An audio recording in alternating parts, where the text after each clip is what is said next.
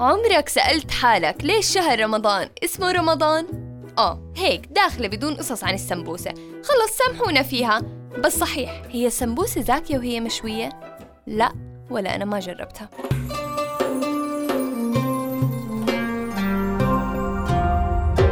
رؤيا بودكاست. أنا من الناس الفضوليين اللي بحب أعرف تفاصيل الأشياء وقصصها عشان أزيد مخزون معلوماتي وثقافتي كمان. وعشان هيك سألت حالي سؤال. ليش رمضان اسمه رمضان؟ سبب تسمية شهر رمضان.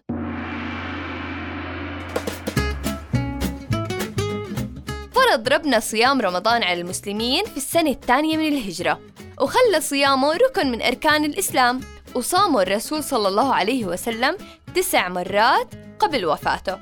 ومن الجدير بالذكر إنه أهل اللغة اختلفوا على سبب تسمية شهر رمضان يعني مو عارفين شو القصة الصحيحة. وقال فريق منهم إنه السبب في تسمية شهر رمضان بيرجع إلى إنه بصادف قدومه وقت الحر الشديد في أغلب الأحيان.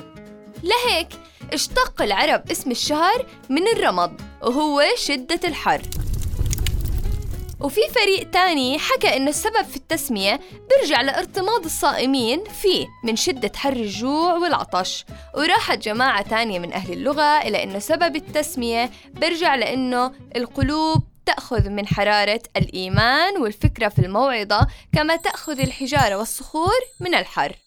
وحكوا إنه التسمية مأخوذة من رمض الذنوب يعني غسلها بالأعمال الصالحة يعني تبدل حسناتك بسيئاتك لأنه الرميض هو السحاب والمطر في آخر الصيف وأول الخريف. وحكوا كمان إنه سبب التسمية إنه العرب كانوا يرمضون أسلحتهم في شهر رمضان يعني بجهزوها وبحشدوها للحرب في شهر شوال. وإذا بدنا نحكي عن فوائد الصيام الصحية فهي تخليص الجسم من السموم. وتخفيض نسبة السكريات في الدم وخفض الدهون المخزنة في الجسم. وهذا بيساعد على التخلص من السمنة المفرطة وتقوية جهاز المناعة بالجسم وراحة الجهاز الهضمي. كمان بيساعد على شفاء الجسم من الالتهابات والحساسية. وراحة البنكرياس وهذا بخفض من نسبة السكر في الدم وبخفض لصيام مستويات ضغط الدم. وبتزيد نسبة أكل الأطعمة الصحية وتجنب المواد الغذائية المصطنعة. وكمان بيعزز العادات الصحية المنيحة وغيرها كتير من الفوائد الصحية يلي تساءلت عنها. يعني بتقدر في رمضان تشيل كتير عادات سلبية أنت متعود عليها وتتبع نظام صحي. ولما سألت حالي طب شو هي شروط الصيام؟ وأكيد اكتشفت إنها كتير واضحة وصريحة وبسيطة كمان. شروط الصيام إنه يكون الصائم بالغ وعاقل يعني ما في صيام عصفورة. وإنه يكون الشخص الصايم مش على طريق سفر ويكون قادر مش مريض عشان الصيام بيأثر عليه وعلى صحته. ومهم إنه ما تكون المرأة في فترة الحيض أو النفاس. ولا تنسوا أهم إشي نية الصيام. وإذا بدنا نحكي عن فضل رمضان من الناحية النفسية علينا والاجتماعية بنحكي إنه بيطلع الإنسان من دائرة النفسية الضيقة. بحيث بيجتمع مع العيلة على سفرة الأكل وبعدها السهرة مع الأقارب وبطهر النفس والروح والقلب.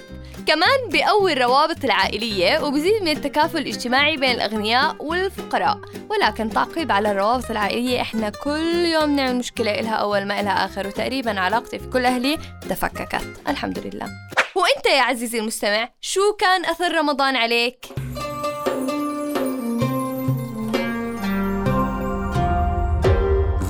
بودكاست.